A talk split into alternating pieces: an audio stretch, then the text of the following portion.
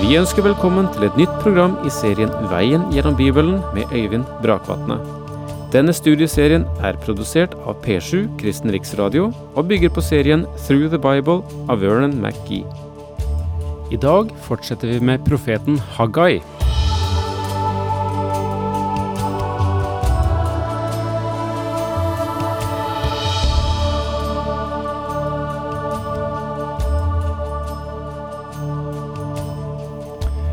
Så er vi tilbake til den eh, ydmyke, Gud overgitte profet Haggai.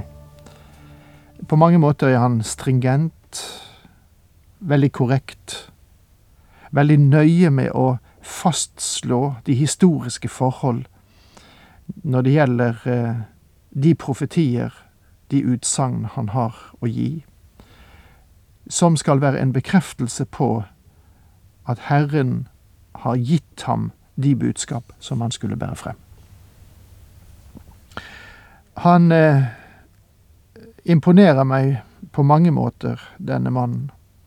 Og særlig når jeg tar hensyn til den bakgrunnen som han sto frem på.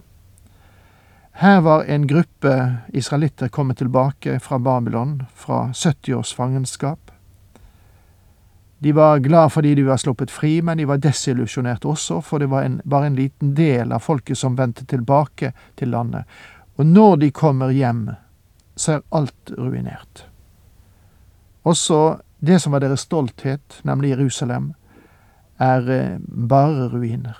Alt er brent ut. Der, der er ingenting å, å, gripe fatt i. Og det er klart det at eh, det var stor motløshet som grep folket. Og um, så sender Gud en liten gruppe menn, egentlig tre stykker i tallet, eh, Haggai og Zakaria og Malaki, men særlig Haggai og Zakaria, og gir folket en ny retning og oppmuntrer dem. Og det er særlig i Esra-boken vi ser at uh, disse to profetene var til stor oppmuntring for folket. Og før vi sluttet sist, leste jeg fra Esra kapittel 5 vers 1-2. Men eh, hør også hva som står i det 14. vers i kapittel 6 hos Esra. Jødenes eldste fortsatte å bygge og hadde god framgang, mens profeten Haggai og Zakaria sønnesønnen til Iddo, satte mot i dem med profetordene sine. De fullførte arbeidet slik Israels Gud hadde befalt, og etter påbud fra perserkongen Kyros, Dareios og Artaxerxes. Og så går vi inn i teksten, der det står slik. I det andre regjeringsåret til kong Dareios, den første dagen i den sjette måneden, kom Herrens ord ved profeten Haggai til Serubabel, Shealtiels sønn, stattholderen i Juda, og til Josva, Jehosadaks sønn, eh, øverstepresten, og det lød. I det andre regjeringsåret til kong Dareios, den første dagen i den sjette måneden, gir oss dateringen av denne profeti, som er 1. september år 520 før Kristus, etter den jødiske kalender. Dette er en bok vi kan datere svært enkelt. Som jeg sa i innledningen, så er den datert i forhold til en hedensk hersker, Dareios. Dateringen er ikke lenger satt i forhold til konger i Israel eller Juda, for Haggai skriver under hedningenes tid, som begynte med fangenskapet i Babylon, og fortsetter frem til denne dag.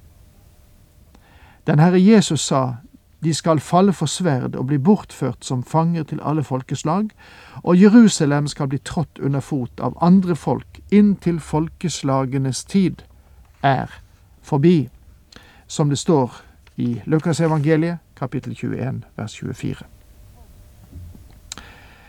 Kom Herrens ord ved profeten Hagai. Vi vil se at gjennom hele boken henviser Hagai flittig til Herrens ord.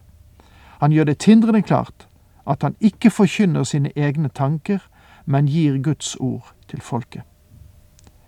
til Serubabel, Shealtiels sønn, stattholderen i Juda. Navnet Serubabel betyr sådd i Babylon, vil si at han var født i fangenskapet i Babylon. Faktisk er det et hedensk navn. Han var en av Davids ætten, sønnesønn av Jojakim, som står omtalt i første krønikebok kapittel tre, og ble utpekt av Kyros som guvernør i Juda. Det forteller Esra oss i kapittel 5 vers 14. Og til Josva, Jehosadaks sønn, øverstepresten. Josva var sønn av Jehosadak, som var øversteprest ved den tid da babylonerne foretok invasjonen. Det kan første krønikebok kapittel seks fortelle oss. Denne mannen var det religiøse overhodet, så her ser du at Gud sender sitt budskap først til folkets ledere, både religiøse og politiske ledere. Da israelittene vendte tilbake fra Babylon til sitt eget land, kom de med store forventninger, og deres entusiasme om å bygge opp igjen dette ruinerte landet var stor. Men de møtte gigantiske vanskeligheter som krevde en overmenneskelig innsats og kraft. Etter at de hadde gått på og brukt all sin entusiasme, så satte motløsheten inn da de begynte å bygge tempelet. Vanskelighetene synes helt uoverstigelige. Derfor revurderte de hele situasjonen og bestemte seg for at nå var ikke tiden til å bygge. Med andre ord så fant de fornuftsgrunner for å slappe av og nyte det de allerede hadde vunnet, i stedet for å gå løs på tempelet. De bestemte seg for å opprettholde status quo, og de sa det er meget hardt, og det virker sannsynlig at Gud ikke vil at vi skal gjøre dette nå. De hadde lagt fundamentet for tempelet, men opposisjonen fra samaritanernes side var så sterk at de sluttet med å bygge. Og deres unnskyldning var tiden er ikke inne ennå. Så sier Herren allherrs Gud, dette folket sier, ennå er ikke tiden inne til å bygge Herrens hus. Om du leser Nehemjas bok, så vil du se at da de bygget på Jerusalems murer, var motstanden kolossal. Nå må vi legge til at det var den samme motstand da de prøvde å bygge opp igjen tempelet også, men denne gangen sa folket vel, Herrens tid er ikke inne til å bygge tempelet ennå. Legg merke til at Gud sier dette folket sier. Vanligvis så kaller han dem mitt folk, men ikke her. Og med det mener han ikke å si at han avviser dem, men han er ikke fornøyd med dem. De er ikke i hans vilje, og de dekker over sin ulydighet med en from unnskyldning. Ennå er ikke tiden inne til å bygge Herrens hus. Det Haggai kommer til å si, vil såre litt. Han kommer til å sette kniven inn der selve verken finnes, og som berører også mange kristens liv. Har du noen gang hørt noen si at de har gitt opp å forsøke noe, eller at de avsto å gå hit eller dit fordi det ikke var Herrens vilje? Av og til vil de si at Herren ledet dem til å gjøre noe annet det å si at det er Herrens vilje at vi skal gjøre dette og ikke dette, det er av og til en kristen klisjé som dekker over et mangfold av synder. Jeg sier av og til. Det er lett når forholdene blir vanskelige og motgangen øker, å sende inn en rapport og si Herren vil at jeg skal gjøre noe annet. Og Det finnes mange predikanter som, når tingene er blitt vanskelig i en menighet, har sagt Herren trenger meg et annet sted. Og jeg må si at mitt hjerte ømmer for forkynnere, prester og predikanter som virkelig prøver å tjene Gud, men har så store vanskeligheter at de ender opp med å si Herren ledet meg til noe annet. Da Herrens folk begynte å bygge tempelet og oppgaven ble svært vanskelig, da sa de ennå er ikke tiden inne til å bygge Herrens hus. De fleste steder der jeg har tjent som menighetsleder, har jeg hatt oppgave med å forkynne i kirke og menighetshus. Jeg har aldri vært med på å bygge en ny kirke, men jeg har restaurert og bygget om flere. Og alltid har det vært det samme problemet. I hver menighet var det en liten gruppe, en meget liten gruppe, og det takker jeg Gud for, som ikke gjorde noe, men var meget kritiske.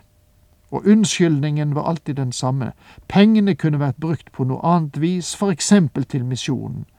Og da burde jo de ha gitt dem til misjonen, men ser du, det var det ikke alltid at de gjorde. Den folkegruppen som Haggai talte til, fant rasjonelle argumenter på samme måte. Og nå røsker Haggai av forbindingen og avslører det egentlige såret her.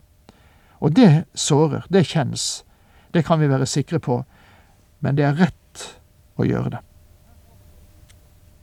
Og her kommer nå budskap nummer én, avlevert den 1. september år 520 før Kristus. Legg merke til at Haggai gir dem Herrens ord. Og så står det Da kom Herrens ord ved profeten Haggai. Er det tid for dere til å bo i bordkledde hus så lenge tempelet ligger i grus? Disse menneskene som sa at det ikke var tid til å bygge Herrens hus, de hadde alle bygget sine egne hus. Det syntes å være tiden for det.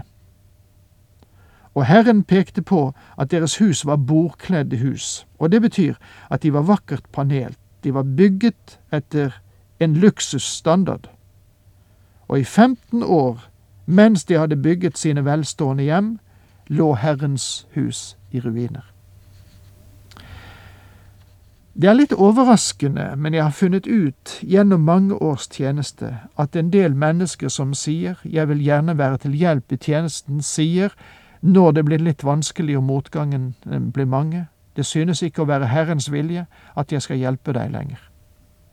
Du forstår at når tingene blir vanskelige, da er tiden kommet til at mange trekker den konklusjonen at deres beslutning om å støtte er ikke Herrens vilje. Men når det er noe som gjelder deres egne selviske mål, da baner de seg vei gjennom mange vanskeligheter og får tingene gjort, ikke sant? Får jeg være dristig å si at de fleste er slik. Vi tar de anstrengelser som er påkrevd for å oppnå det som alltid blir til vår fordel. Og Går vi tilbake til Haggais tid, kan vi spørre hvordan i all verden var disse menneskene i stand til å bygge disse vakre bordkledde husene? Det er helt sikkert at de hadde vanskeligheter, men de var ikke villige til å møte de samme vanskelighetene for å bygge Herrens hus. Deres eh, vanlige unnskyldning var det er simpelthen ikke Herrens vilje at vi skal gjøre det nå. Og det var eh, litt av en unnskyldning, skal jeg si det. Takk for nå. Herren med deg.